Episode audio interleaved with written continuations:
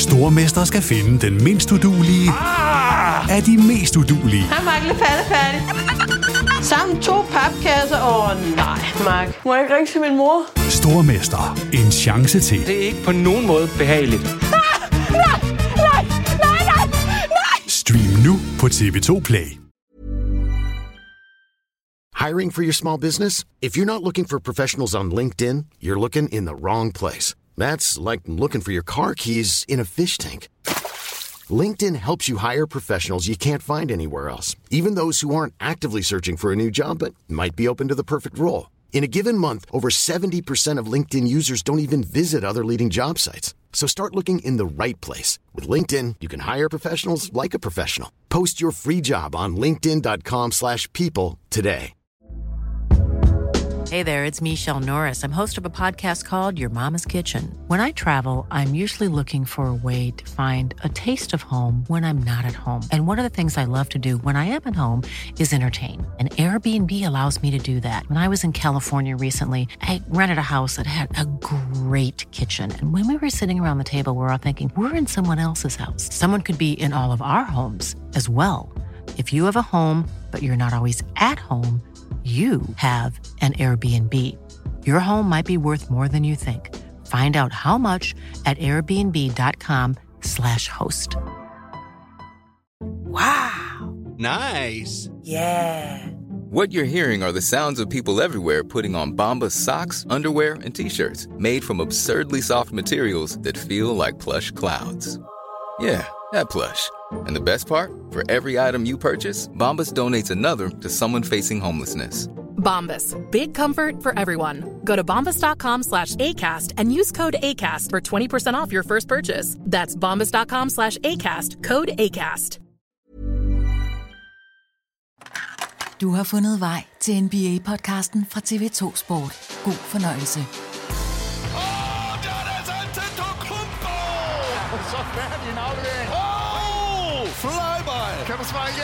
Igen? MVP'en tryller. Ja, ja!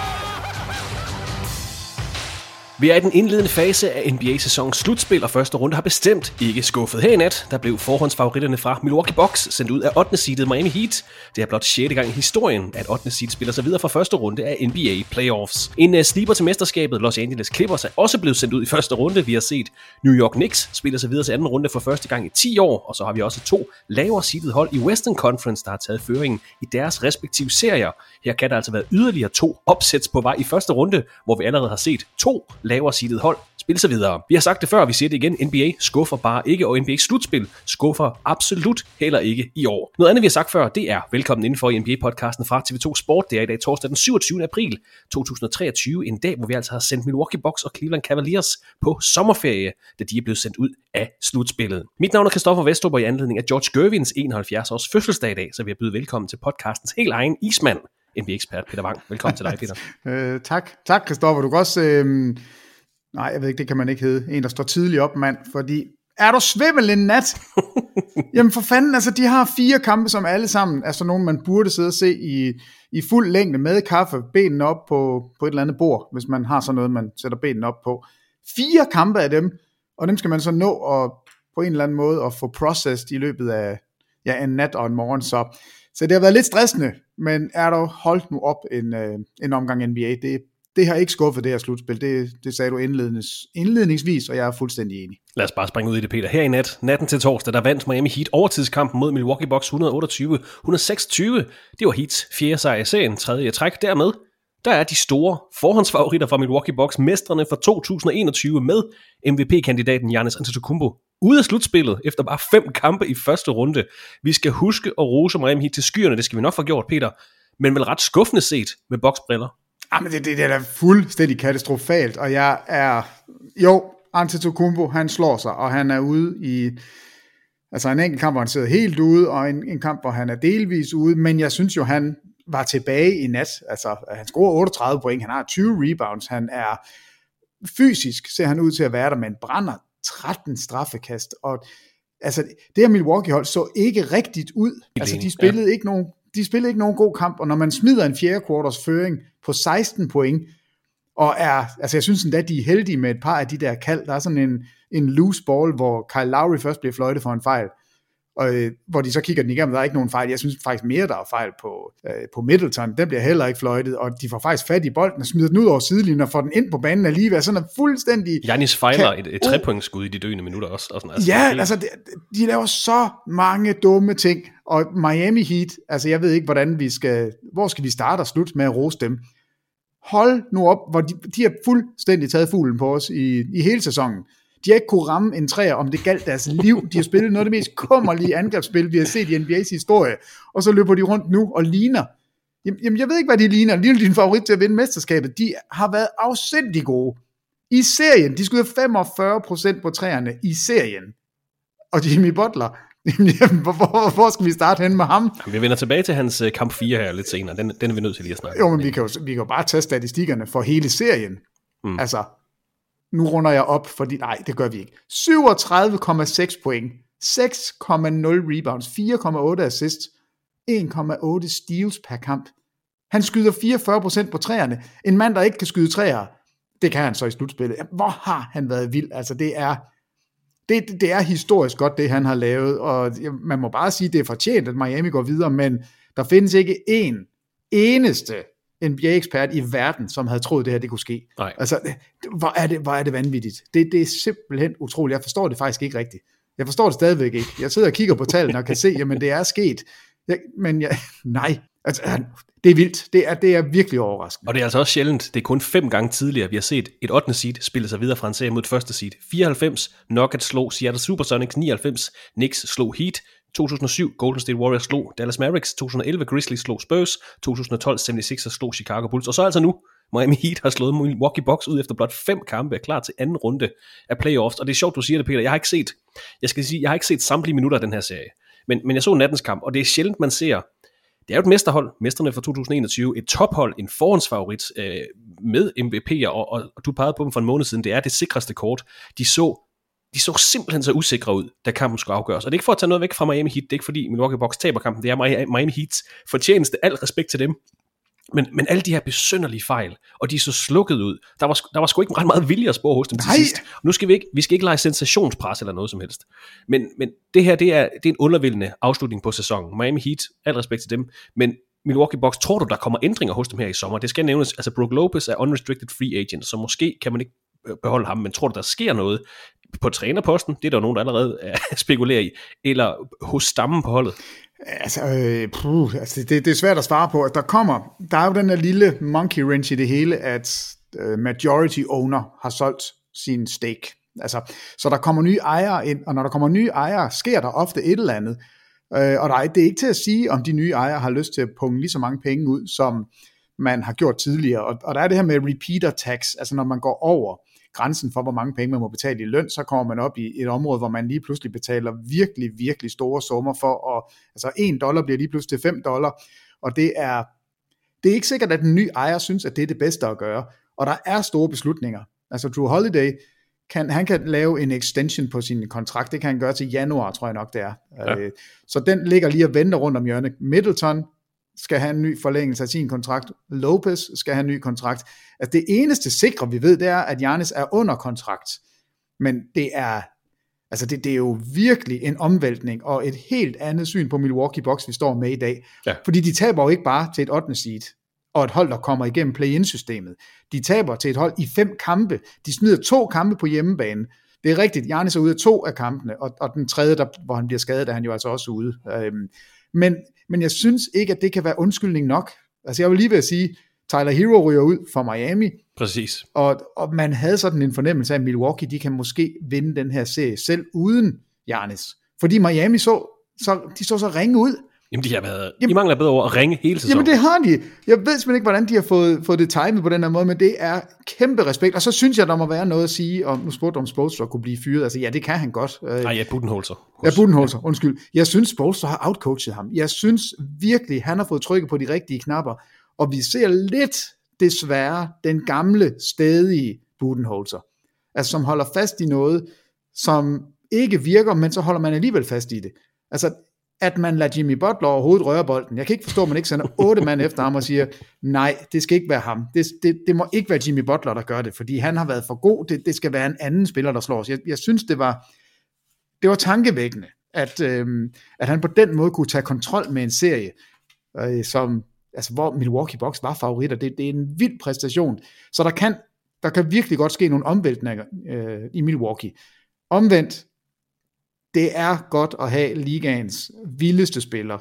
Altså det, man skal passe på at sige, hvem der er den bedste. Men altså, Giannis Antetokounmpo er stadigvæk den, alle frygter mest. Det er den spiller, man er enormt bange for, også selvom han ikke spiller op til sit, sit bedste i den her serie. Altså han er skadet, han skal have en lille smule Altså, altså, han skal, det, det, vi kan ikke forlange det hele af ja, det er en historie, den her serie. Giannis Antetokounmpo med, med rygskade. Ja, ja, ja det, det er det. Så, så, selvfølgelig er det det. Altså, det, det er klart. Det har været, jeg er sikker på, at han har mere ondt, end nogen af os øh, gør, noget, gør sådan nogen sådan begreb om.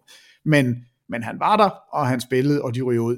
Men Milwaukee har stadigvæk Giannis Antetokounmpo under kontrakt, og, og det vil være et godt kort ligegyldigt hvem der tænker på måske at komme til Milwaukee eller at blive, så er det altså godt at have ham på holdet. Så det er ikke sådan et, et hold, jeg ser falde fuldstændig fra hinanden, og der er røde alarmklokker over det hele. Det, sådan har jeg det ikke. Men altså, når, når de sidder i kommentatorboksen og snakker om det her ABJ, altså uh, anything, uh, nej, anything but Jimmy, altså at det bliver sådan et udtryk. Når man, når man sidder og kigger på skærmen og ser, at, at han igen og igen og igen i løbet af fem kampe dominerer, og der ikke rigtig forsvarsmæssigt bliver gjort andet, end man sætter Drew Holiday på ham, øh, som er en fremragende forsvarsspiller. Men, som praller af på ham, altså i, i ja, kampe det gør 4, han 5, altså. Ja. Det gør han lidt, øh, og, og der undrer det mig lidt, at der ikke kommer et modsvar, og at man, jeg kan godt forstå, at man kigger på Miami's hold og siger, okay, lad dem bare skyde træer, fordi de kan ikke ramme dem.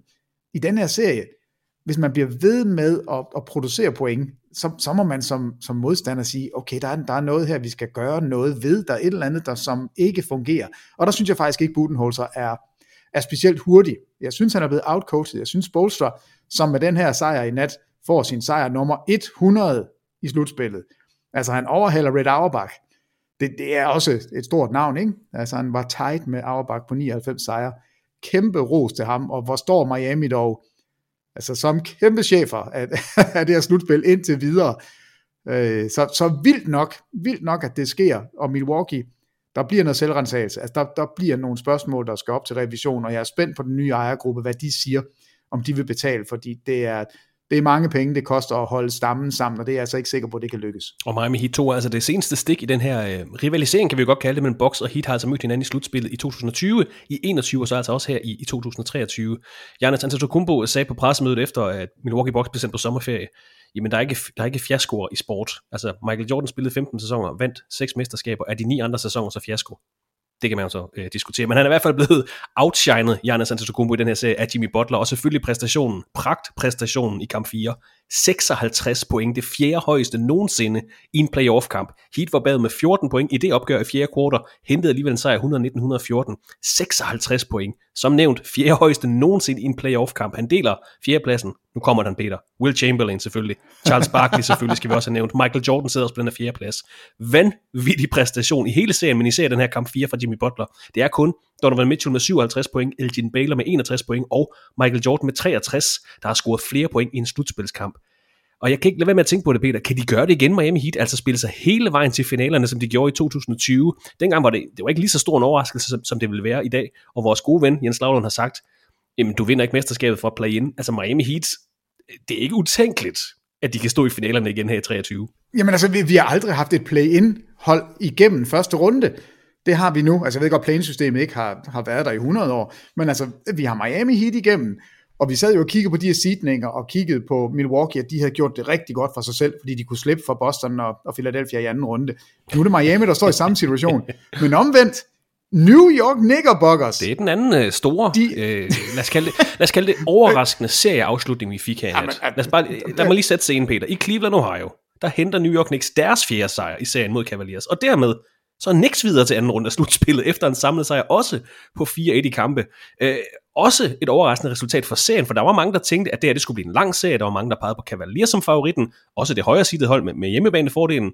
Det blev altså kun en femkampserie, og Knicks som det sejrende hold. Knicks videre fra første runde for første gang i 10 år siden 2013. Jamen, de kommer ind som femte seed, Christoffer. Det var faktisk det, der var min pointe. Ja. Og de har hjemmebanefordelen i anden runde. altså, de kommer ind og skal møde et Miami Heat-hold, som selvfølgelig er top motiveret nu, men som mangler Tyler Hero, som skal til at, at lave sit spil fuldstændig om, fordi det er et andet mandskab, de skal møde nu. Men New York Knicks er igennem første runde. De Men har hvorfor, hvorfor er de det, Peter? Hvad er lykkedes for Knicks i den her serie, og hvor, hvor har Cavaliers fejlet i forhold til ja, den her favoritværdighed, som mange gav dem? Oh my god, jeg ved simpelthen ikke, hvor vi skal starte, men, men et, et, godt, et godt sted kunne være at sige, Anders rebounds, det, det, der, det, der sker der, det er, at New York Knicks forstår, vi skal ind og have ekstra boldbesiddelser. Godt. Hvordan gør man det? Det gør man ved at lade være med at smide bolden væk, og det gør man ved at tage angles rebounds. Så man sender, jamen verdens bedste angles rebounder, han sidder desværre skadet til Steven Adams, men måske den næstbedste, Mitchell Robinson, han får besked på, da, da, da serien går i gang, du skal faktisk ikke andet end at bare angles rebound. Alt det, du overhovedet har lært. Kan du det? Øh, okay, det gør jeg. Jeg tager 29 angles rebounds over fem kampe. 29. Som hold tager New York Knicks 75 offensive rebounds. Cleveland Cavaliers, som ellers har to store spillere, som burde kunne være med i reboundspillet, de tager selv, hold dig nu godt fast, 46. Altså det, det er ikke helt dobbelt op, men det vil at være tæt på. De køber simpelthen så mange ekstra boldbesiddelser. De smider færre bolde væk, og så out-rebounder på alle måder. Out-rebounder de dem. Ikke bare fysisk ved at tage boldene, men i alt spil jeg har aldrig set et hold blive så udklasseret, som Cleveland Cavaliers blev. Og i den her kamp 5, det var jo grotesk. Altså, de var fuldstændig færdige, og alle New Yorkere, og jeg ved, der er mange Knicks-fans derude, må sidde og klappe i deres små hænder og sige, hvor er vi glade for, at vi fik fat i den rigtige point guard. Den guard, som alle rangerede som langt under Donovan Mitchell. Det er ham, vi har. Og så kan Donovan Mitchell få lov til at løbe rundt og være sur i Cleveland nu. Han var sur i Utah, nu er han sur i Cleveland. Eller har han også er leveret du... en, en, det, jeg har kaldt jamen, en gedin stinker i kamp 4. han, jamen, han fik tæv i den her serie.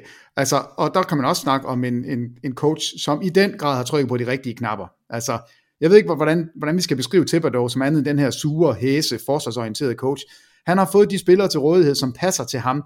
Josh Hart er kommet ind, og man kunne bare se på Donovan Mitchell sådan, åh nej, nu skal jeg op imod en spiller, som fysisk matcher mig, overmatcher mig, og jeg kan ikke lave de der ting, jeg plejer at kunne lave. Nå, men så fyrer jeg bare alle de der åndssvage træer afsted, og han kunne ikke ramme nogen af dem. Altså, Donovan Mitchell, jeg ved ikke hvordan, 28% skyder han på træerne i den her serie.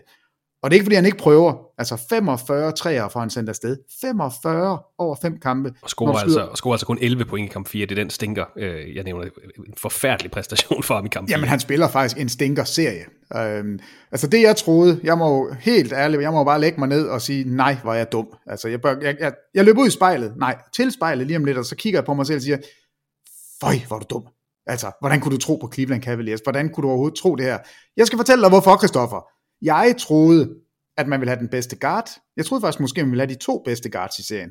Jeg troede, man ville have klart de to bedste big men i serien. Altså, det, det var jeg slet ikke i tvivl om. Jeg var en lille smule bange for wing. Altså, hvem skal dække op derude? Jamen, det er jo ikke noget problem. Julius Randle har spillet en forfærdelig serie. Han har også været så det er jo ikke... meget hæmmet af sin ankelskade. Jo, jo, jo, og han røg jo, han brækker om igen i nat og sidder ude. Og alligevel, så smadrer New York Knicks altså bare igennem. Det, jeg, er, jeg ved ikke, hvordan, hvor mange superlativer vi skal sætte på New York Knicks, fordi hvis vi kigger på tallene, så har de jo også, det er jo en, de har jo spillet faktisk ikke sådan en særlig, ikke særlig smuk basket. Øh, deres procenter er jo, er jo kummerlige. Som hold, og det er jo det, jeg kan ikke forstå, at den, den er slut, den her serie, New York Knicks og videre. New York Knicks har som hold skudt 28% på træerne. De har skudt 43% i field goal percentage i det hele taget. De har snittet under 100 point per kamp, altså 99,8 point, og alligevel står de nu og har sikkert, altså det er jo ikke engang sådan en, altså de er jo ikke engang i nærheden af at være presset. De har holdt modstanderne på 94,2 point i 2023 slutspil. Altså det, det er jo sådan noget, nogen hold de scorer ved halvleg, det, det er jo helt vildt. New York Knicks har været jamen, en kæmpe, kæmpe spillemæssig overraskelse for mig. Jeg, jeg kan slet ikke forstå, at de står her nu. Og hvis man kiggede på tallene fra Julius Randle og sagde, det er, det her, det er den produktion, vi får fra vores All-Star. Hvem havde troet på, at... Altså, nu skal jeg fortælle, hvor meget han scorer. Er du klar?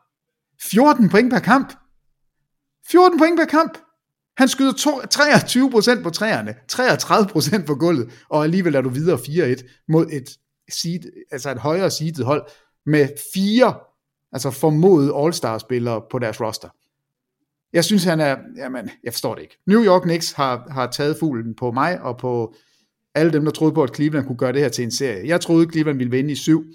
Den måtte jeg sådan lige revurdere en lille smule, da den stod 3-1. Jeg havde 4,8% chance, men øh, man vidste godt, at det var et, øh, det ville blive svært. Men jeg havde ikke forventet, at de ville ryge ud på hjemmebane i nat. Det havde jeg virkelig. Men du nævner selv en af nøglerne også. Altså, Knicks formår at holde Cavaliers til under 100 point i fire af de her fem kampe. I grundspillet, der var Cavaliers det 8. bedste hold mål på det her offensive efficiency, 115,5 point per 100 boldbesiddelser. I de fem kampe mod, Knicks, der er de nede på 101,9, altså var 115,5 til 101,9, det laveste blandt de 16 slutspilshold. Om de så har været øh, off, eller det har været Knicks fortjeneste, Jamen, det vil jeg lade dig om at besvare, Peter. Men selvfølgelig, selvfølgelig er de skuffet i Cleveland, det, det er klart, men i det store perspektiv, så er det vel først senere, at den her altså stammes udvikling, øh, i den her stammes udvikling, de skal være rigtig relevant. Altså selvfølgelig ville de gerne gå videre, det er der ingen tvivl om, men, de, men altså Mobley er et år ældre til næste år. Darius Garland er altså kun lige 23, skal man huske. Måske kan de tilfælde kvalitet i offseason. De er skuffet lige nu, men fremtiden ser jo altså lys ud for det her. Ja, men det gør den, det gør den. Og øh, jeg, jeg tror da heller ikke, jeg, jeg tænker ikke, der kommer til at ske det helt vilde i Cleveland. Jeg ser ikke øh, en masse spillere forlade dem og, og stor palaver på den måde. Men jeg synes, man er nødt til at kigge lidt på, på coaching-siden. Jeg, jeg synes ikke, Bickerstaff har været særlig god. Altså jeg synes virkelig ikke, der er kommet nogen justeringer.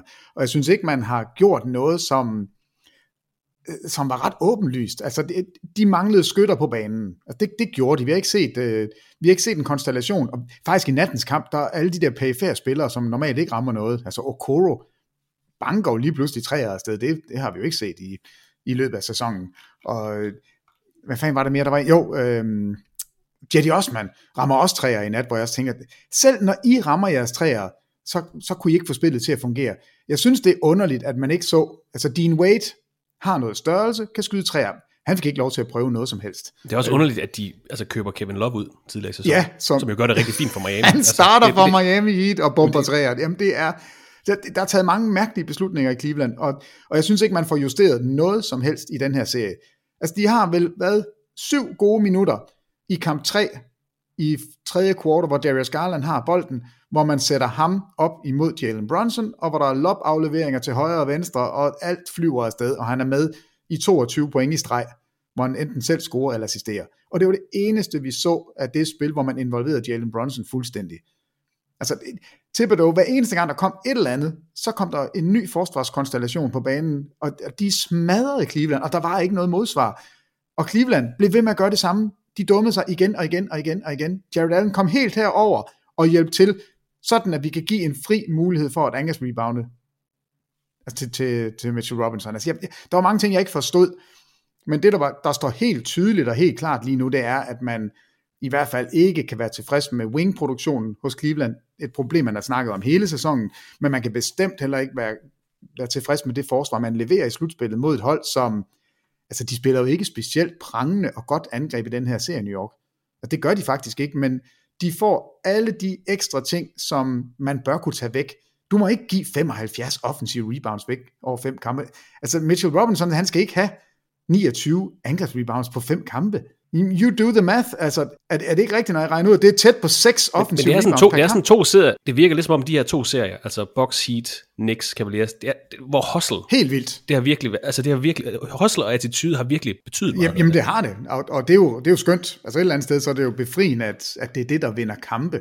Og hvor er der mange stjerner, man kan tage frem fra, fra bare den her serie. Altså Jalen Brunson, hvis man var i tvivl om, hvad han var for en spiller, og man troede, at ah, det kan han nok ikke gøre, når han får sit eget hold, Altså, selvom han også skyder dårlige procenter på trepointerne, altså 29% skyder han, han spiller 38 minutter per kamp, han snitter over 24 point, han er den der rolige spiller, som hele tiden har styr på det, også når han er i sine shooting slumps. Så er han stadigvæk med, han scorer så mange vigtige scoringer i den her serie, og han er Altså, han er omdrejningspunktet for New York Knicks, og det lykkedes aldrig nogensinde at tage ham ud af spillet. Det lykkedes aldrig at lægge så meget pres på ham forsvarsmæssigt, at han blev træt. Han så ud som om, han bare nullerede afsted og nød det. Hvor var han dog en sej spiller? Emmanuel Quickly. Nøj, altså nu fik han ikke årets 6. mand, øh, og, det, og det synes jeg er helt fortjent. Det blev Malcolm Brogdon, der fik den. Men hvor lavede han også mange fine ting. Altså kom ind fra bænken forsvarsmæssigt og var en pest.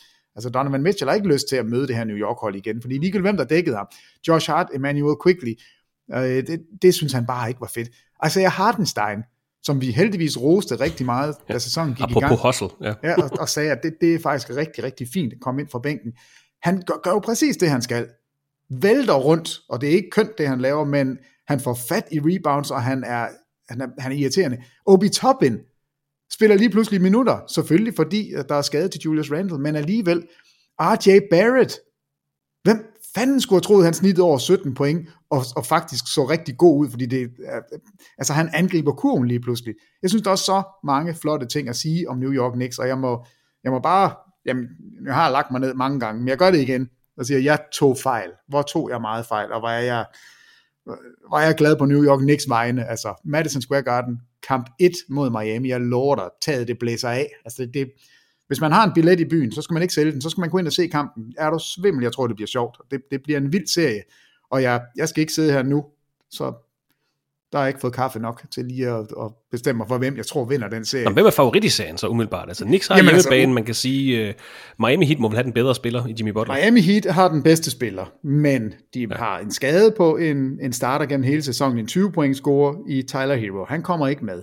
De har heller ikke Victor Oladipo med i resten af sæsonen. Victor Oladipo, knæskade, ja. altså der er jo faktisk snak om, at det måske er, er hans karriere, der er slut. Altså, det, det er ja, simpelthen så trist. Jamen, hvor er det trist. Men uh, it is what it is. Vi kan ikke gøre noget ved det. Det, det er trist, men det var, det var ikke en bærende kraft, men det var dog en, en spiller, de brugte.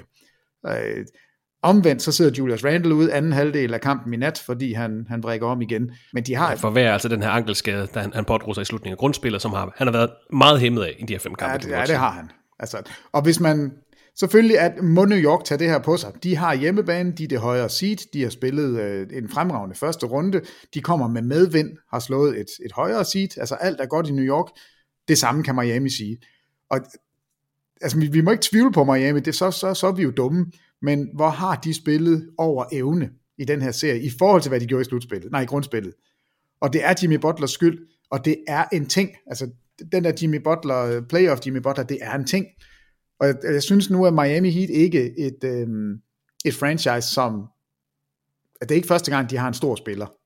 Men hvis man kigger på det der gamescore, som jo er lidt sjovt, altså de præstationer, Jimmy Butler har lavet, han har de første, de, altså de seks største kampe. De seks største kampe. Den her 56 points kamp er den højeste øh, gamescore, han har. Så har han i 19, nej, 19. I 2022, der har han tre kampe. I 2020 i boblen, der har han to kampe. Seks kampe i alt ligger over LeBron James største gamescore i en Miami Heat uniform tilbage fra 2014. Så har han også 8. pladsen og 10. pladsen, og LeBron har så 7. og 9. pladsen. Så han har haft nogle playoff præstationer, hvor man bare må sige, hvor ja, man er nødt til efterhånden at snakke om Jimmy øh, Butler. Altså, jeg ved godt, der er et stykke op til Dwayne er... Wade og, og LeBron James, men man er nødt til at snakke om ham som en af de bedste Miami Heat-spillere nogensinde. Han har været den bedste spiller på et hold, der kom til finalerne. Og nu må vi se, hvor langt de når i år, men altså, det er, jo, det er absolut ikke ingenting, han har leveret for Miami. Jamen, jeg, jeg, jeg tænker da, at han skal tages med på samme måde, som vi kigger på LeBron og Dwayne Wade. Altså, problemet er bare, at han ikke gør det her i grundspillet, og derfor så glemmer man, hvor god han er.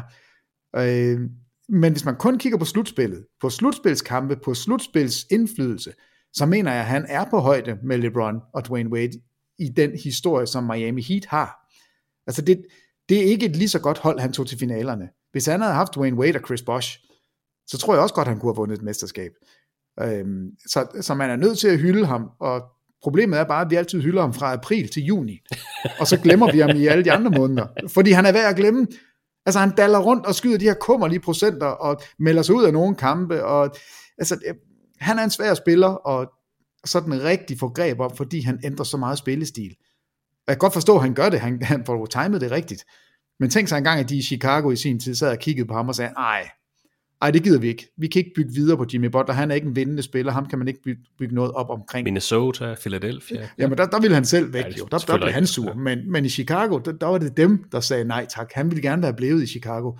Og de har ikke, de har ikke lavet noget godt siden. så, så de har godt af det. Det, det. det synes jeg faktisk, de har, fordi Jimmy Butler beviser over for hele verden, hvor dygtig en spiller han er. Og nej, den bliver tung. Og, altså den næste serie.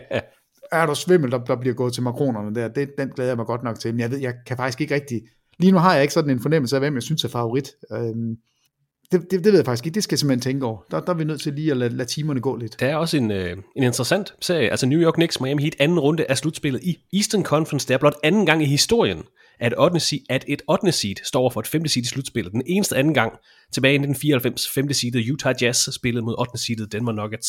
Det er til gengæld 6. gang i historien, at Heat og Knicks står for hinanden i slutspillet. Senest det var i første runde i 2012, men man husker nok øh, mest de fire gange i træk, hvor de to hold bragede sammen i slut 90'erne. To gange i første runde og to gange i anden runde. Den her anden runde mellem Knicks og Heat starter på søndag, som nævnt i Madison Square Garden. Det bliver øh, interessant, og forhåbentlig så er Julius Randle øh, klar til kamp, fordi han øh, kan godt blive vigtig for Knicks chancer i, i den her serie. Her i nat, øh, natten til torsdag, der fik vi også kamp 5 i serien mellem Memphis Grizzlies og Los Angeles Lakers, og serien mellem Sacramento Kings og Golden State Warriors. Men jeg tænker lige, Peter, lad os lige gøre Eastern Conference færdig, så kan vi springe over til Western Conference uh, lidt senere. Fordi i Eastern Conference, vi fik blot et enkelt sweep i første runde af hele slutspillet, og det kom i serien mellem Philadelphia 76ers og Brooklyn Nets, hvor 76ers altså avancerede efter fire kampe. Nu venter 76ers så på en afgørelse af serien mellem Boston Celtics og Atlanta Hawks. Det er altså 76ers modstander i, uh, i næste runde. Og vi kan vel godt sige, Peter, du havde ikke store fidus til, til Brooklyn Nets i den her serie, men vi, vi kan vel godt sige, at de faldt med, med lidt ære, selvom det blot blev til fire kampe. Desværre også en, ja, en afslutning på serien, hvor Joel Embiid pådrog sig en knæskade. Han missede kamp 4, men 76ers klarede skærende alligevel videre 4-0 over Nets. Ja, men så en, en sikker sejr, og alligevel ikke så sikker, fordi jeg synes jo egentlig, at nogle af kampene var mere tætte, end, end måske resultatet peger på. Jeg synes egentlig, ja. Brooklyn, de, de gjorde det rigtig godt, og jeg tror, de er taget på en fin sommerferie. Jeg tror, de mm. sidder i Cancun, eller hvor de tager hen. Jamen er det også for en og, sæson, de har været igennem? Jamen altså, altså det er kommet til slutspillet som 6. plads, det der er mere end godkendt, øh, tænker jeg. Mere end godkendt, og de bliver ikke, jo, de bliver swept, men de bliver ikke sådan blæst ud af de her fire kampe. Der er gode takter, og Michael Bridges, alle peger på ham som en future all-star. Cam Johnson, synes jeg, lavede nogle rigtig fine ting. Ja, der, der var meget, meget godt at tage med. Uh, Niklas Claxton kan noget. Øh, jeg ved ikke, om jeg synes, at Spencer Dinwiddie er en, er en rigtig point guard, om ikke man skulle ud og finde sådan en. Altså, det, de har en masse, en masse komplementære spillere, som alle andre gerne vil have fat i, og dem skal de ikke lade gå. De skal hellere hente lidt ind, og så bygge op på den måde. Så, så god sommerferie til Brooklyn, det er den rigtige måde at smutte ud på, og selvfølgelig heldigt for Philadelphia, at de kan få lidt ekstra pause. Men der er, den er knæskade. Altså det, det vi hører om Joel Embiid, er altså, at han, han vil spille, og han vil spille med sådan en, en fidus på knæet, en, en støtte af en eller anden art. Nu får vi se, hvordan den kommer til at se ud. Og det, det er jo det eneste, der sådan er, er problemet.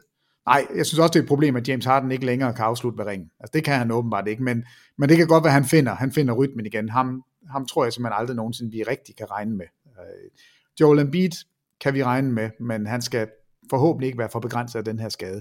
Men de kommer sikkert videre, og Brooklyn er, de er okay. Det er ikke noget, det er ikke noget forfærdeligt nederlag. Og de er sikkert glade i, i 76ers-lejren for, at, at den her serie mellem Boston Celtics og Atlanta Hawks er blevet uh, lidt længere, end den umiddelbart ud til at gøre. Det forøger nemlig muligheden for, at Joel Embiid kan blive uh, ordentligt klar til første opgør i anden runde. Boston Celtics vandt de to første kamp i uh, forholdsvis overlegen stil. Så hentede Hawks en 8 point sejr i kamp 3. Celtics svarede igen med deres egen 8 point sejr i kamp 4. Så snuppede Hawks så en udbanesejr i kamp 5, en øh, kamp, hvor DeJounte Murray ikke var med, da han havde overfuset en dommer i kamp 4. Alligevel så vandt Hawks det opgør, og pludselig så har vi en sekskampserie. Øh, hvor meget respekt skal vi give til Hawks, og hvor meget skal vi ryste på hovedet af Celtics? Ja, vi, skal, vi skal godt nok ryste på hovedet af Celtics, og sige, hvad, hvad, hvad fanden laver I? Altså, hvordan kan I på hjemmebane smide, eller Atlanta score 37 point i fjerde kvartal, og hente en 10 føring ind og, og, og slå jer. Hvordan kan I gøre det?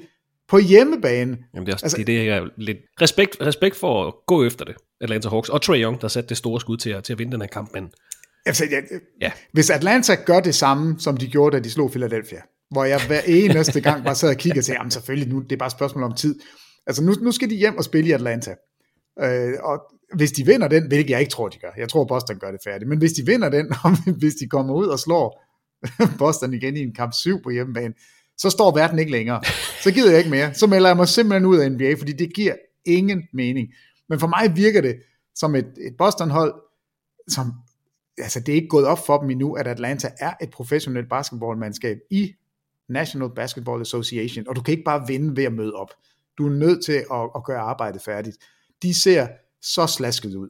Altså, ukoncentreret, og Joe Masula ligner en elendig coach, og altså alt så forfærdeligt ud i den her fjerde kvartal. Øh, det, det, det skulle jo aldrig have været tæt.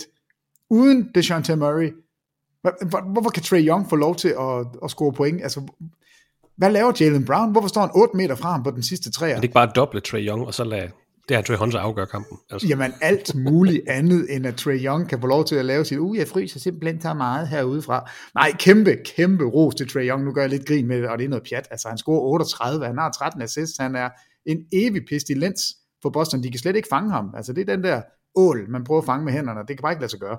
Han spiller, skyder hele tiden, og skyder ikke super gode procenter, men, men skyder jo skyder nok til, at de vinder. ind i kamp. Skyder nok til, at de vinder, og kan jo skabe sit eget skud, og så er han nok, tror jeg, vi må sige, at han er den bedste i NBA lige nu, til at komme ind i feltet og vælge sin egen lille floater, eller afleveringen til Capella, eller Okongwu, eller hvem der hænger i luften, Collins, hvem det måtte være. Han er eminent dygtig til det. Og Boston, de skal, altså de er nødt til at tage det her alvorligt, fordi forhåbentlig har de forstået nu, at Atlanta godt kan spille, hvis de får lov. Øh, og det, det bliver lidt andet, at det bliver sjovt at se kamp 6, fordi hvad er det for en energi, Boston kommer med? Kommer de og sætter tingene på plads, fordi de bør være et klart bedre mandskab. Der, der, der bør være klasseforskel. Men jeg ved ikke, om, om Quinn Snyder, den nye head coach i Atlanta, om han simpelthen bare er, har han fået gjort et eller andet ved det her hold, som gør, at de tror på sig selv, fordi det var jo et hold, der var ved at falde fra hinanden, Atlanta. Og nu står de altså her og gjort den her serie langt mere spændende, end jeg havde forventet. Så Celtics, der er lidt arbejde tilbage, og jeg tror, du har ret. Philadelphia, de sidder og klapper i hænderne og siger, det er fint. Flere kampe, flere minutter. Lad os endelig bare få, få Boston eller Atlanta, hvis det skulle gå sådan det bliver nok Boston. Altså, gør dem trætte, det passer også rigtig godt. Kamp 6 i den her serie mellem Hawks og Celtics bliver spillet i nat i Atlanta, og du kan se kampen direkte på TV2 Sport X fra kl. 02.30. Lad os lige opsummere slutspillet i Eastern Conference. Philadelphia 76ers besejrede Brooklyn Nets 4-0 i kampe, spillede sig videre. Serien mellem Boston Celtics og Atlanta Hawks står 3-2 i kampe til Celtics, som nævnt kamp 6 af natten til fredag. Her i nat, natten til torsdag, der vandt New York Knicks første runde serien mod Cleveland Cavaliers 4-1 i kampe, og det samme gjorde Miami Heat. De vandt 4-1 over første seedet Milwaukee Bucks, og er altså videre til anden runde. Anden runde i Eastern Conference hedder altså New York Knicks mod Miami Heat, og i den anden side Philadelphia 76ers mod vinderen af serien mellem Boston Celtics og Atlanta Hawks. Inden vi skal videre og se nærmere på serien i Western Conference, Peter, så tager vi lige et lille nyhedsintermezzo. Fordi i sidste uges podcast, der nævnte vi vinderne af Defensive Player of the Year-prisen, den nye Clutch Player of the Year-pris og Coach of the Year-prisen. Tre priser, der gik til henholdsvis Jaron Jackson Jr., Darren Fox og Mike Brown. Siden sidst, der har vi fået offentliggjort yderligere tre prisvindere. Malcolm Brogdon fra Boston Celtics er blevet kåret som Six Man of the Year, altså årets bænkspiller. Han modtager det nye John Havlicek-trofæ efter en uh, sæson, hvor han snittede 14,9 point, 4,2 rebounds og 3,7 assists i 67 kampe for Celtics, uden at starte en eneste af dem på banen. Han var nummer 4 i 3 i hele grundspillet, leverede 18 kampe med minimum 20 point for bænken. Han er den anden spiller i historien til at vinde Rookie of the Year og Six Man of the Year. Det er naturligvis Mike Miller, som vi nævnte i sidste uge, der er den anden. Han er den tredje Celtics-spiller til at blive kåret som årets bænkspiller. Kevin McHale og Bill Walton er de to andre. Og det var ham, du pegede på for et par uger siden, hvor du gav dine bud på de her priser. En øh, uh, super flot sæson for Brogdon, der har formået at holde sig skadesfri. Det var et stort fokus. Hold, formået at holde sig skadesfri for, for Boston Celtics. Jamen, altså, jeg synes, det er det rigtige valg. Og det, jeg ved godt, der er mange, der går med Emmanuel Quickly, som den, der var tættest på. Og det kan jeg også godt forstå. Men jeg synes bare, der er noget at sige om at være rigtig bænkspiller og, og producere fra bænken hele sæsonen. Hvor Quickly altså fik flere og flere kampe, hvor han startede, og det var faktisk de kampe, hvor han startede, han producerede mest. Øh, og det skal jo ikke, det skal vi jo ikke øh, tale ham ned for, fordi altså, prisen gives til en spiller, der kommer flere kampe fra bænken ind, som starter.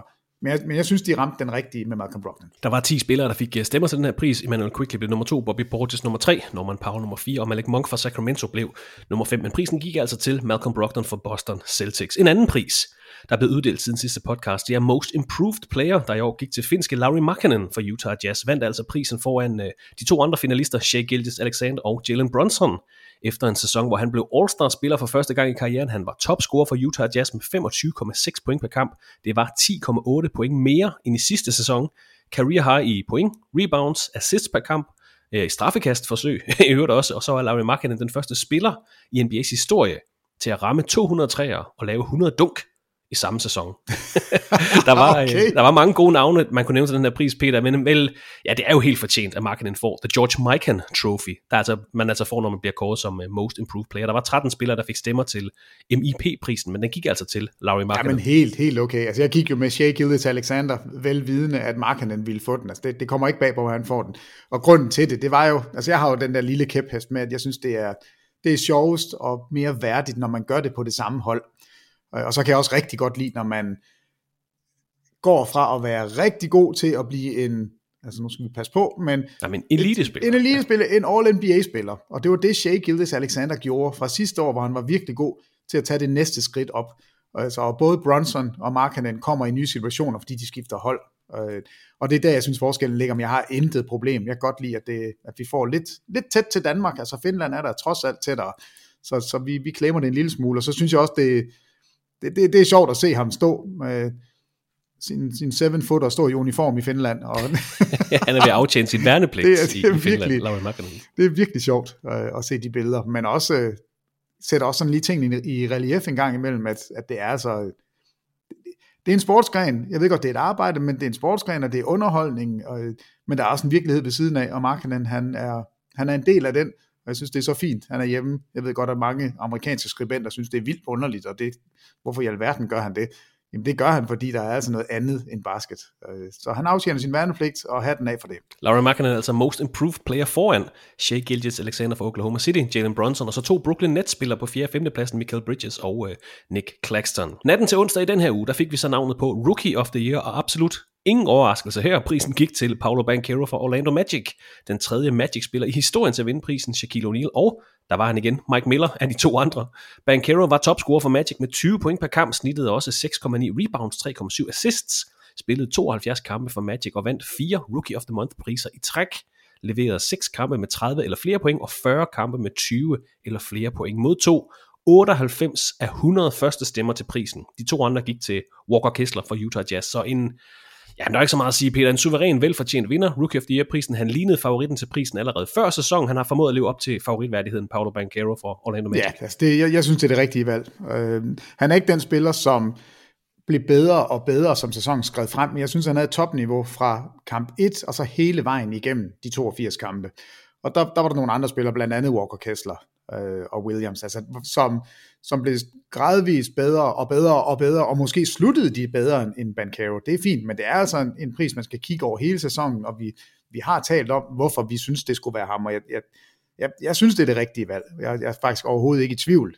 Øhm, det var stemmerne jo heller ikke. Altså 98 ud af 100 første stemmer vinder Ej, med 494 det... point over dobbelt op øh, på Jalen Williams, der blev nummer to. Ja, og Jalen Williams har gjort det godt. Hatten af for ham. Walker Kessler det samme, og nu ser vi uh, Murray løb rundt i Sacramento i, i slutspilskampe, så det er det rigtige valg til lige præcis den her pris. Jeg har ingen, intet problem med den. Der var kun uh, seks spillere, der fik stemmer til Rookie of the Year. Paolo Bancaro nummer 1, Jalen Williams blev nummer 2, Walker Kessler blev nummer 3, Benedict Matherin fra Indiana Pacers blev nummer 4, Keegan Murray blev nummer 5, og så Jaden Ivey, han modtog tre tredjeplads stemmer til Jaden Ivey fra Detroit Pistons.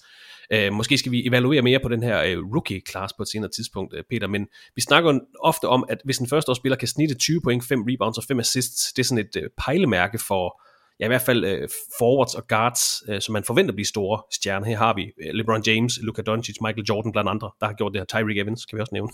Men det er, en, øh, det er sådan en standard, man kigger efter hos førsteårsspillerne. Det har Paolo Banchero ikke gjort. Jeg var stadig inde og kigge for, øh, hvem har snittet 20 point, 6 rebounds og 3 assists i deres rookie-sæson, som Banchero har gjort. Det er der faktisk kun 11 andre spillere, der har gjort. Og det er altså rimelig fornemt selskab, øh, Banchero er kommet i. Kareem Abdul-Jabbar, Elgin Baylor, Larry Bird, Walter Davis, Terry Dishinger, Luka Doncic, Blake Griffin, Bob Pettit, Oscar Robinson, Sidney Wicks og Michael Jordan. Og man kan sige, at uh, Banchero er den rookie i det her felt med næst færreste personlige fejl i deres debutsæson og færreste turnovers. Så det er altså ikke ingenting, han har leveret. Bare lige kort om Banchero, Peter. Hvad, det er en meget, meget lille sample size, det ved jeg godt, men hvad, hvad men er en meget, meget stor mand. Men en meget, meget stor mand, jamen, hvad er udsigterne for ham? Hvad er, det er jo ikke, fordi du skal spå, om han kan blive All-NBA eller MVP, men, men altså, han er i hvert fald en spiller, som Orlando Magic kan bygge deres offensiv op omkring, altså med ham både som facilitator og som scorer, men altså, det er vel ikke igen kun vurderet ud fra 72 kampe. Han ligner jo ikke en umiddelbart en fremtidig MVP. Igen, der kan ske meget. Vi kan kun vurdere ud fra en enkelt sæson, men, men hvad er udsigterne, tror du, for Paolo Banchero? Ja, det, MVP er nok øh, lige overkanten. Det, det, det ser jeg ikke for men jeg ser klart en All-Star, og jeg kunne også sagtens se en, en future øh, All-NBA-spiller. Altså, okay. Han har hele pakken, han har fysikken, han har skuddet, han har blikket for spillet, han har roen.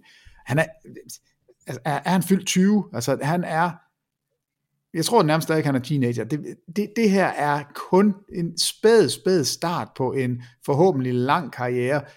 Han har en enorm fysik. Altså, han er kæmpemæssig.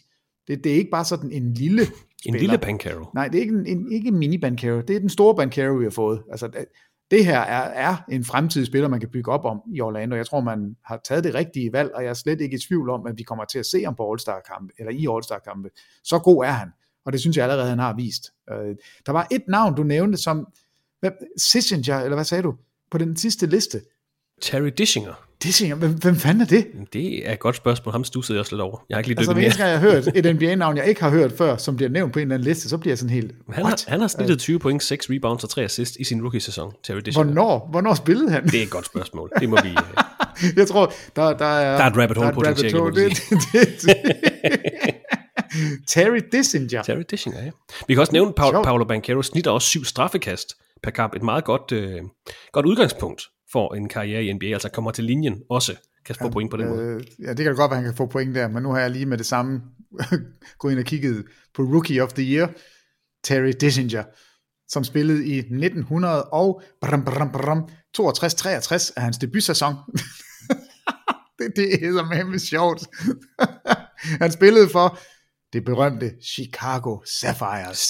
Og Sapphire, ja, så tak. Stags, så det er derfor, vi ikke sådan lige måske var, var helt opdateret på ham. Men, men fedt, fedt, du lige kommer med sådan et navn. Det er jeg glad for. Dermed så er øh, seks af de syv store individuelle priser blevet offentliggjort. Nu venter vi altså bare i spænding på, hvem der skal have sæsonens MVP-pris, og så venter vi også på offentliggørelsen af sæsonens All-NBA-hold, All-Defensive-hold og All-Rookie-hold. Men udover de her store sæsonpriser i NBA, så er der jo også en anden eftertragtet anerkendelse. Et, øh, et klap på ryggen, en pris, er jo faktisk nok den mest prestigefyldte pris i dansk niche sports podcast regi, Peter Wangs Real MVP-pris. Har du fundet et godt navn til os i den her uge, Peter?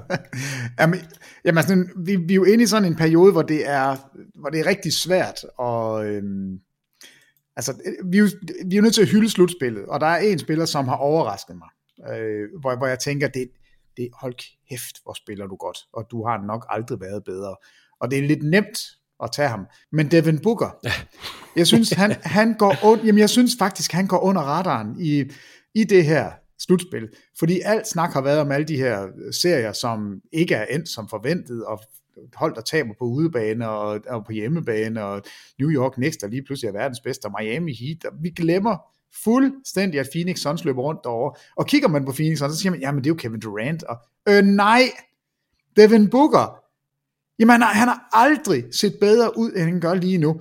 Han snitter, hvad, hvad, hvad snitter han her i slutspillet? Er det 37,8 point? Eller? Ja, noget af den stil. Altså, det, det er sådan, jamen det er helt gak, fordi han, der, jamen jeg, jamen jeg bliver sådan helt uh, flabbergastet. Uh, nu kigger vi lige på, på, på hans, uh, hans kampe her imod Phoenix. Altså, de har jo kun spillet fem af dem. Og der imod Clippers. Ja. Nej, imod Clippers, ja. Og der snitter han 37,2 point. 5 rebounds, 6,4 assist, 2,6 steals. Altså, det er næsten 3 steals per kamp, og over et blok per kamp. Han har aldrig været bedre forsvarsmæssigt, han har aldrig været bedre angrebsmæssigt. Han skyder 47% på træerne, 86% på straffekastene. Altså, det her er en spiller, der lige nu overskygger Kevin Durant. Kevin Durant, som er kommet tilbage fra skade, men man kan ikke se det på ham. Kevin Durant, som har vundet MVP. Kevin Durant, der har været ligaens topscorer. Der løber Devin Booker altså rundt og er bedre end ham i min bog. Øh, og, og altså Phoenix elsker det her slutspil. Det er måske de største vinder i det her slutspil. Nu er den største konkurrent fra Øst, de er ude. De hold, de skal møde i de næste runder, slider hinanden op lige nu. De sidder bare derhjemme og nyder det her, og kigger sig omkring og siger, det er så fint. Bare fortsæt, bank hinanden, slå hårdere og hårdere, spil flere og flere kampe. Det er det bedste. Men Devin Booker, jeg er overrasket over, han, altså jeg, jeg vidste ikke, han kunne få endnu altså et lag på sit niveau. Det synes jeg, han har taget. Jeg er fuldstændig overrasket over, hvor godt han har spillet. Så den eneste bekymring, jeg har, det er altså også, at han har ikke haft en kamp endnu med under 40 minutter. Ah, ja, okay. Altså det har været 43, 44, 44, 41, 41 i de fem kampe. Øh, men hvor har han været god? Han har været positiv øh, over det hele. Han, ja, forsvar, angreb, alt er godt. Øh, så kæmpe ros til Devin Booker, han skal have prisen i den her uge. Stort tillykke til Devin Booker fra Phoenix Suns. You're the real MVP. Og tilbage til NBA-slutspillet. I Western Conference der har vi fået afgjort to af de fire første runde serier. Første seedet Denver Nuggets spillede sig videre efter fem kampe mod Minnesota Timberwolves, og lidt ligesom uh, Brooklyn Nets, så synes jeg faktisk, at Timberwolves øh, faldt med, faldt med ære. Det var bestemt ikke et, et første runde exit, der var planen for dem i år, det skal vi huske at, at nævne. Men, men faldt selv, med ære! Selve serien synes jeg ikke var horribel for deres. Christoffer Vestrup. vi skal ikke rose Minnesota for noget. Du må ikke tage min vrede væk. Altså, vi, vi kan ikke rose dem for noget. Jeg synes, de er faldt med, med et brag. Jeg synes, de er så ringe, jeg er så træt af dem. Og ved du, hvad de sluttede med? Anthony Edwards ja. har smidt en stol, og er blevet, han, han kan få en, en bøde, altså det, der, der, der kan man sige alt om det amerikanske retssystem. Du kan få en bøde på 1000 dollars, men du kan ja, altså også godt risikere at komme i fængsel, fordi det her, det er en... Nå, okay. Der er delte meninger om, hvordan Timberwolves sluttede den her sæson. Jeg ved godt, det ikke var deres plan for dem at, at ryge ud i første runde, men jeg synes ikke, de spillede horribelt i hele serien. Og om ikke andet, Peter, så kan vi jo, altså, selvom Anthony Edwards måske kommer i ferie i fængsel i Colorado og får en bøde på 1000 dollars, i fem kampe mod Denver Nuggets, der snittede 21 år i Anthony Edwards 31,6 point, 5 rebounds, 5,2 assists, 2 blocks og 1,8 steals. Der venter også, som du siger, jeg sagde tidligere, der venter noget grænskning her i offseason. Men Edwards må vi i hvert fald betegne som keeper for dem, men øh, uh, Timberwolves altså på sommerferie, dem gider vi ikke snakke mere om. Nej, altså jo, vi kan godt lige vende dem her til sidst, fordi jeg har været vred på dem i lang tid og over det her trade. Øh, fordi jeg, jeg kommer til at se så dum ud endnu en gang, jeg skal ind til spejlet. Fordi jeg, jeg troede jo, at Minnesota, uden overhovedet at nærmest tage svedbukserne af, øh, sweatpants eller hvad fanden det hedder, øh, så ville de vade ind i 50 sikre sejre i den her sæson. Altså det, det var jeg overbevist om. De havde alt for gode spillere. Det viste sig bare, at altså Carl Anthony Towns, han er da en hovedpine. Han, han virker ikke som en særlig snu basketballspiller, og parringen med ham og Rudy Gobert er jo horribel. Så det eneste positive, de kan tage med sig fra den her sæson, det er da, at Anthony Edwards øh, klart har vist, at han er den bedste spiller. Der, der, den der rivalisering, der måske har været mellem ham og Towns på et tidspunkt, den bør jo bare lægges helt væk. Der er ingen tvivl. Ingen tvivl om, hvem der er den bedste spiller. Og det er det eneste, det er den eneste lille ting, man kan gå på sommerferie med, for ellers synes jeg faktisk, at Minnesota har haft den ringeste sæson for noget hold i mands minde. Og så gider vi ikke snakke mere om Godt så. Det er fint. Men den må nok altså videre til anden runde efter fem kampe mod Timberwolves. Modstanderen i anden runde, det bliver Phoenix Suns, der altså også skulle bruge fem kampe til at spille sig videre fra deres første runde serie mod LA Clippers, som Peter han også har nævnt med, med Devin Bookers flotte statistikker. Altså 4-1 til Suns over Clippers. Det lignede en lækker bisken den her serie. Men The Clippers curse fortsætter.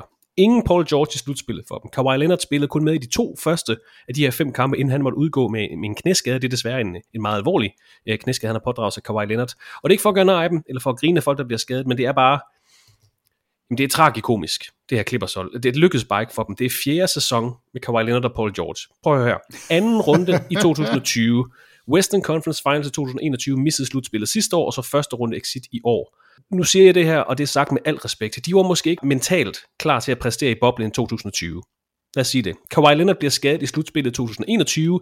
Han misser hele 21-22 sæsonen. Det er en sæson, hvor Paul George blot spiller 31 kampe. Så er der den her sæson. Paul George benskade i midten af marts, kommer ikke tilbage. Kawhi Leonard en knæskade i kamp 1, missede altså kamp 3, 4 og 5. Og vi prøver igen næste år. Altså hele stammen minus Mason Plumlee, Russell Westbrook kan være tilbage. Men det bliver altså heller ikke i år for Clippers. Og spørgsmålet er, om det nogensinde bliver for Clippers. Fordi, og igen, det er ikke for at grine af dem, for jeg synes, det, det, jeg synes faktisk, det er ærgerligt, at vi ikke får set Kawhi Leonard Paul George. Vi har set dem nå til Western Conference Finals. Der var så også en skade, der satte en stopper for det. Jeg synes, det er brand ærgerligt. Jamen det... Fordi det er, det er et super spændende hold, og Westbrook lykkedes på det her hold som tredje mand. Altså, det er bare ærgerligt. Jamen det er til at tude over. Altså, og, og jeg har lovet mig selv, at jeg gør det ikke næste år. Nej, så siger vi altså, det, Peter. Så sidder du. jeg, jeg gør det ikke næste år. Nu har jeg fire år i træk, tror jeg. ja. Der jeg troet på, at Clippers ville komme Det bliver jo. Fire år i træk. Det jo. Og hver gang, så får jeg talt mig, når du siger til mig, at jeg ikke skal gøre det, og jeg, og jeg hopper ind med begge ben. Altså, jeg, jeg tror, den eneste redning, og vi havde det faktisk inde som et, sådan et lille, et lille tavleemne i vores Crunch Time udsendelse her, som vi optog i tirsdags. Der, der, der var det inde, og jeg tror, jeg tror faktisk, jeg har ret. Det eneste, der kan redde Clippers, det er at komme ud af den bygning. Altså, der, der er noget at sige om at være lillebror og lege sig ind hos Los Angeles Lakers, og få lov til at låne deres hal en gang imellem. Altså, de skal hen, hvor, hvor de selv kan bo, hvor, hvor alt andet er væk. De skal have deres eget sted, og før tror jeg ikke på dem. Og det er, det er til at tude over, når man kigger på, på hele sådan historien omkring Clippers. Fordi de havde jo en undskyldning tilbage, tilbage da, da Donald Sterling var ejeren. Fordi der var man, man ville ikke betale for noget, man var et dumt svin for at sige det øh, lige ud, sørgede ikke for andet end, at, at, at man selv tjente penge, og holdet, de havde ikke nogen chance. Så bliver holdet solgt, der kommer en ny pengestærk ejer til, man får lavet Lob City, alt ser godt ud, og det gør det så ikke alligevel. Der er både skader, men der er også øh, dårlige beslutninger. Altså, der, der, der sker også en masse omkring det. det. Det virkede heller ikke. Så har man hele den her omgang med Paul George og Kawhi Leonard, som også ser så godt ud, og så kommer der skader, og der kommer dårlige beslutninger. De skal ud af den forbandede bygning. Der, der er ikke andet at sige. Øhm, og hold nu op. Jeg er glad for, at Steve Ballmer han er en af, af USA's 10 rigeste mænd, fordi det her hold er gik, altså, de kommer til at betale så mange penge for dem. For de er jo nødt til at stay the course. De kan jo ikke gøre andet. De har jo, de er nødt de til har at jo sige- forlænget med Kawhi Leonard her, før den her Jamen det er jo sæson, det. De er nødt til at blive ved Kawhi Leonard. De er nødt til at blive ved Paul George. Mr. Mr. Load Management. Som, jeg, tror også, han, jeg tror også, det er svært at bygge et hold op omkring ham efterhånden, Kawhi Leonard. Jamen det, det er det der, og jeg kan da godt forstå, at øh, Stephen A. Smith og hvem det ellers er derude, der sidder og råber og skriger i deres talkshows og siger, at uh, Kawhi Leonard, han skal, han skal retire, fordi han er den dårligste superstjerne nogensinde. Og, altså, der er jeg på ingen måde, men hvor er det dog en sørgelig måde at gå på sommerferie på, men er det menisken, han har, han har ødelagt. Øh, Altså det, det er, det var ikke det, vi havde forventet. Det var ikke det, vi havde håbet på. Men heldigvis, der er lidt lys.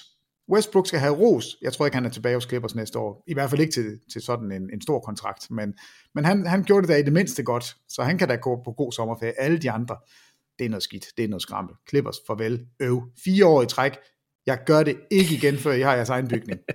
Husk det, Peter siger i dag, og så prøv at lytte med øh, i oktober igen. Nå, der har jeg heldigvis glemt det. Men det er altså øh, den anden runde, jeg ser, der er på plads i Western Conference. Første seedet Denver Nuggets mod fjerde seedet Phoenix Suns. Lad os lige lukke de to sidste serier, så vi kan snakke om den her anden runde serie lidt senere. Fordi vi har andet seedet Memphis Grizzlies. De var nede 1-3 i kampe til Los Angeles Lakers inden nattens kamp 5 i Memphis. Her fik vi så en 17 point sejr til Grizzlies 116-99, 33 point fra, fra Desmond Bain i det opgør. En sejr, der altså gør, at det står 3-2 til Lakers. Kamp 6 af natten til lørdag. Den kamp bliver spillet i Los Angeles. En, øh, det her det er også en vild serie. Ikke, nødvendigvis så pæn, men en overtidskamp i mandags. Vi fik 45 point fra Ja Morant i lørdags. Vi har fået en, en 20-20-kamp fra LeBron James. Vi har et, et Lakers mandskab, der spiller som nat og dag, men som har føring i serien. En serie med, med lidt af det hele, må vi bare sige. Jamen altså, der, kamp 6 bliver jo ultra interessant. Hvis man bare lige snakker lidt om kamp 5, altså der, der er i hvert fald, man fandt noget rigtigt hos Memphis. Altså man fik både Morant og Desmond Bain i gang samtidig. Mm. Øh, og, og de var, nej hvor er de gode, og hvor er, altså Morant, man kan godt forstå, at man bliver sådan tryllebundet af ham, fordi han er så vild, når han flyver ind i feltet. Der har mest været fokus på, at folk synes, han hopper for højt, og at han skal passe på. Brager ind i. LeBron James i, i kamp Jamen altså, ja, det, det, det, det, var, det var sgu ret vildt. Øh, Men, men de spiller godt, og så vil til stadig, jeg vil bare blive ved med at sige det, altså Jaron Jackson Jr., der er ikke nogen, der kan dække ham andet end Anthony Davis. Hver eneste gang han, han er matchet op med andre spillere, heller ikke LeBron James, så er han simpelthen for stor og stærk, og han er så den tredje option lige nu. Og det det, der er alarmerende for Lakers, altså, og de kan håbe på, det fordi det er udebane, men deres bænkproduktion i nat, du får lige nogle tal, Christoffer. Jeg tror, de er små, de tal. Rui Hachimura, han spiller... Som ellers har været god i serien. Han har nemlig været god. Han spiller 21 minutter fra bænken. Han er minus 18 på banen. Troy Brown Jr. spiller 12 minutter. Han er minus 26. Dennis Schröder, 19 minutter, minus 20. Beasley, 11 minutter, minus 23. Og så gider jeg ikke engang nævne øh, de, de fire andre spillere, som også kommer ind. Der er ikke én spiller fra bænken, som producerer noget som helst. Øh, Anthony Davis spiller faktisk en fin kamp, 31 og 19. Men jeg sidder lidt og har en fornemmelse af, måske havde det været bedre, at de bare havde solgt den her kamp. Øh, fordi, Ja, hvilede den til ja, fordi det er Ja. 35 lange minutter.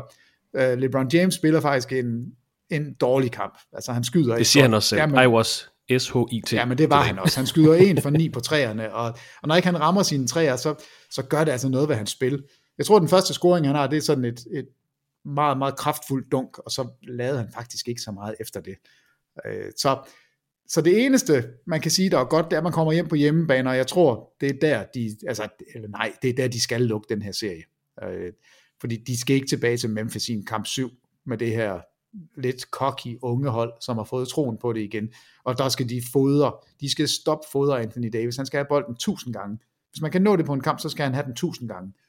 Øh, så så jeg, jeg glæder mig helt vildt til kamp 6, men jeg tror også, at LeBron James, han, han kommer til at sætte, sætte sig på den, ligesom han gjorde. Ja, også efter det, han præsterede. her Ja, men han har fem. noget- han har noget at han, han, han tænker over det her. Han synes, det er under, under, sit- under hans niveau, og derfor kommer han ud, øh, altså, røger der. Jamen, jamen det er under hans niveau. Øh, og man må bare sige, at Dylan Brooks, han skulle nok have holdt sin mund. Altså nej, hvor har han været ringe, siden han... Memphis Grizzlies skulle holde deres mund. We're fine in the West. Det er jo så Ej, tydeligvis ikke, ikke. ikke helt fine, må, må vi sige. Men altså, i, i særdeleshed, så Dylan Brooks, hvor har han bare spillet ringe. Øh, og ham havde vi også op som emne, faktisk har vi haft ham op flere gange. Men mit problem med ham, det er jo alle de her skud. Altså, han skyder konstant, og, og det er rigtig dårlige beslutninger, langt de fleste af dem. Men man, det er bare svært ikke at have ham på banen, fordi han er så god i forsvaret. Altså, han, han giver sig virkelig der. Men stik pipen ind, Dylan Brooks, og håb på, at Memphis de gider have dig på holdet til næste kamp, og i næste serie, hvis vi kommer videre, og til næste sæson, fordi der er jo begyndt at være snak nu om, at man, man prøver at kigge sig om efter en erstatning. Altså han skyder 22% på træerne i den her serie. 22%, og han fyrer den af. Han skyder 30% fra gulvet i det hele taget. Og det er som om, han er, han er, han er blind. Altså han, han kan simpelthen ikke han, kan ikke, han tror ikke på statistikkerne. Irrational confidence, tror jeg, det hedder. Ja, det er godt være, det er det, han har. Jeg tror, Lakers håber på, at han bliver ved med at have den, fordi altså Memphis kunne være langt, langt bedre, hvis bare han lod være med at skyde. Han skal kigge på Draymond Green og se, det er det her, det er sådan, jeg skal spille. Antagonist og mega god i forsvaret, og så skal jeg bare aflevere bolden og løbe rundt og lade som om, at jeg gerne vil være med i angrebet, men jeg skal ikke skyde. Men, det men Peter, om, om det, det bliver, nu siger jeg, at det er en serie, der sådan har været, altså ligger sig spillet som net og dag, der har været de her to kampe, som, som Grizzlies har vundet, hvor de har set gode defensiv og ligger sig set meget sløj ud offensivt, kan man sige. Om det bliver Lakers eller Grizzlies, der går videre, men hvad, hvad vil du sige, udsigterne er for, for, for dem i resten af slutspillet? Fordi ja, jeg synes, det har været en serie, hvor begge hold har vist øh, den gode og den dårlige side af dem selv, synes jeg. Ja, men altså, det, de kommer ikke ud som favoritter i den næste serie. Ligegyldigt hvem, der måtte vinde den her. Det, mm. det, det tror jeg ikke. Men jeg tror på, at Lakers har en større chance for at lave noget videre larm. Okay. For jeg synes ikke, Memphis altså nu, nu er det ikke blevet så udtalt i den her serie, det er egentlig lidt mærkeligt, men, men det kan ikke passe, hvis de kan klare sig alene med Jaron Jackson Jr. og Xavier Tillman. Hvis det er nok fysik under kurven, det, det, det skulle altså undre mig, om, om det er nok. Altså det, det, det kan jeg ikke forstå, hvis det er. Jeg synes ikke, de er bredt nok, de er ikke dybde nok på den position. Brandon Clark er væk, Steven Adams er væk, det har, det har været så stor en del af deres spil, jeg vil være overrasket, hvis de kan, hvis de kan fortsætte. Men altså, nu skal de jo først lige se, om de kan klare Lakers, og det tror jeg altså ikke, de kan. Nu skal jeg ikke jinx noget som helst, men altså, Lakers på hjemmebane i en kamp 6, det, det er her, de skal lugte, og det tror jeg også, de gør. Og jeg tror, Lakers har en større chance for at, at være relevant i anden og tredje runde, hvis det er. Men altså 3-2 i kampe til Lakers, som nævnt kamp 6 natten til lørdag, bliver spillet i Los Angeles. Så mangler vi bare Kalifornien-serien mellem 3. seedet Sacramento Kings og 6. pladsen Golden State Warriors. Efter to sejre til Kings i Sacramento fulgte to sejre til Warriors i San Francisco, blandt andet en øh, et points sejr i søndagens kamp 4. Her i nat så vi så kamp 5, der blev spillet i Sacramento. Heldigvis for hjemmeholdet, der havde de Jaron Fox med fra start. Han var tvivlsom, da han har brækket en finger. Øh, det var dog ikke nok til at afværge en Warriors sejr. Warriors tredje sejr i træk i serien vandt altså på udebane i nat 123-116 og er gået fra at være nede 0-2 i kampe til nu at være oppe 3-2 og kamp 6 er jo på hjemmebane i San Francisco, også natten til lørdag. Vi må bare sige, at øh, de forsvarende mestre har spillet sig op i den her serie. Men hvad har vi ellers set mellem Kings og Warriors? Ja, men vi har jo set en af, synes jeg, de bedste kampe, vi har set i slutspillet overhovedet. Altså, den her kamp 4 mm. hos Golden State, er det 126-125, den ender. Altså et, et brag af en kamp. Altså, nej, hvor var det sjovt at, at se de her to hold bare flyve frem og tilbage. Øh, og så har vi set en Darren Fox, som i den grad har meldt sig ind i toppen af NBA og har bevist, at han er en værdig vinder af den mest latterlige pris nogensinde indstiftet i NBA's historie. Uh, The Clutch Award. Altså, hvor har han bare været clutch ind til nattens kamp? Altså, problemet er, at den der finger, hvor han har brækket, altså jeg ved heller ikke, hvordan man definerer, men du har brækket det yderste led på din pegefinger. Altså, hvordan kan man det? Er det ikke underligt? Nå, men det har han i hvert fald, og det er på en skudhånd, og selvfølgelig påvirker det ham. Altså, de siger selv, at man, man kunne ikke holde ham væk fra den her kamp. Han vil spille ligegyldigt hvad. Om han havde manglet en fod, så har han spillet den her kamp alligevel. Og respekt for det. Men han er altså. super, super. Altså, han, går, han er vel modsat load management. Han, han vil bare gerne spille. Øh, men Warriors er gradvist blevet bedre og bedre i den her serie. Øh, og nu kan vi jo bare se det her championship pedigree, de har, fordi nej, hvor er de gode, og hvor er de sammenspillet, og, og hvor ved de godt, hvornår de sådan skal trykke på kampen, øh, eller trykke på knappen. Og Steph Curry, jeg fatter det ikke. Jeg fatter ikke de træer, han rammer. Altså, Alex Len, han må have onde drømme i nat. Altså, han, han, han løber rundt, og armen er oppe i luften, og han er 8 meter høj, og alligevel, hvis han bare lige lægger vægten over på den forkerte fod, så fyrer Steph Curry en træer af og rammer. Altså, det, det er vildt at se et hold, som, som vi har set så mange gange før, men alligevel blive overrasket over, gud, kan I stadigvæk det her? Jo. Og så synes jeg, Kevin Looney. Ja, kæmpe, kæmpe On, vinder af den her Altså, unsung hero, hvis man skal tale om nogen. det han laver derinde, hvis, hvis man keder sig en dag, så skal man bare sidde og kigge på ham.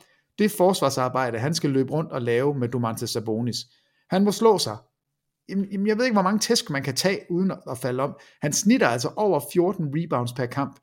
Men, men 6 point, og derfor så taler man ikke om ham. Men i de 30 minutter, han er på banen, det er rene albuer og skuldre og skub og spark fra, fra Sabonis. Det, det er helt vildt, hvad han skal finde sig i. Og han står der bare og er en konge. Altså 14,4 rebounds per kamp. Og 5 assists. 5 assists. Det er et vildt hold, det her. Fem assist fra altså måske den mindst kreative spiller på banen. Jo, men, nu, nu, nu skal jeg lige fortælle dig noget her. Prøv lige at høre her. Ja, tak. Nummer et på det her hold i assist per kamp, det er ikke så overraskende Draymond Green med 7,5. Og så nummer to på holdet, det er Kevin Looney med 5. altså, det er deres to big men.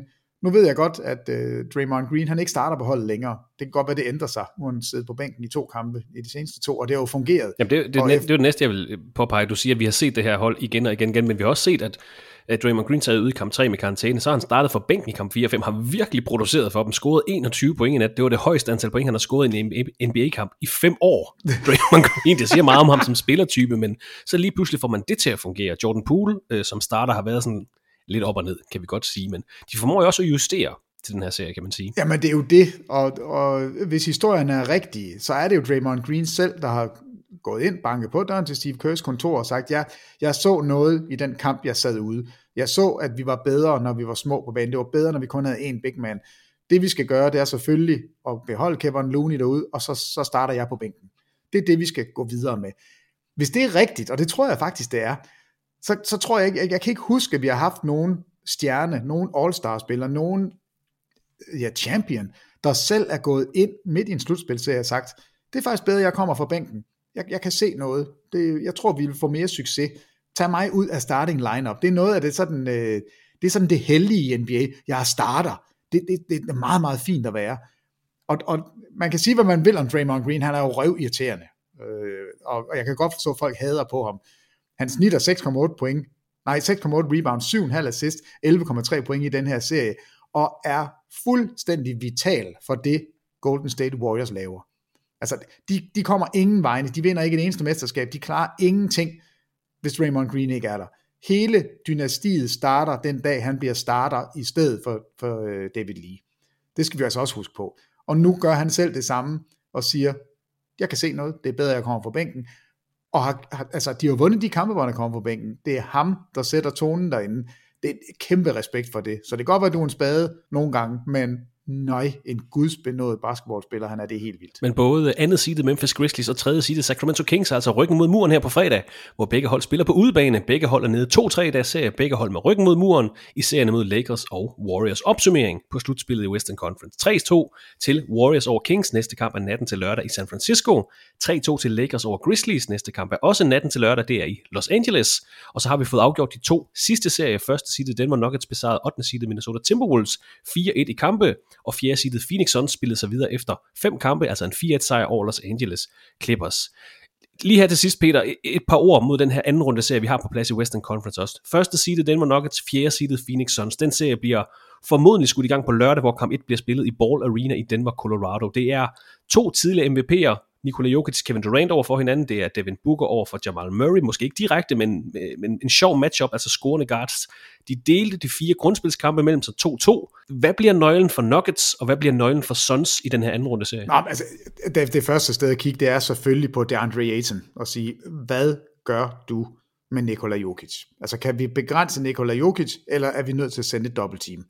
Altså, Jokic er, er jo den her fantastiske superstjerne, som ikke behøver at score point. Altså hvis han har 25 assists i en kamp, så vil man ikke synes, det ville, at, at det var vanvittigt. Man synes, det var flot, men ikke vanvittigt, for han vil gerne aflevere. Hvis de andre er fri, og de dobbelttimer, så afleverer han bolden. Og det er en anden måde at spille på, end det vi har set fra Joel Embiid, som laver den gode, simple aflevering. Jokic er altså en tand bedre. Det, det bliver de her sublime afleveringer, som fuldstændig splitter et forsvaret. Så jeg er meget, meget spændt på, om Aiton er, er stor og stærk nok til at klare det her alene.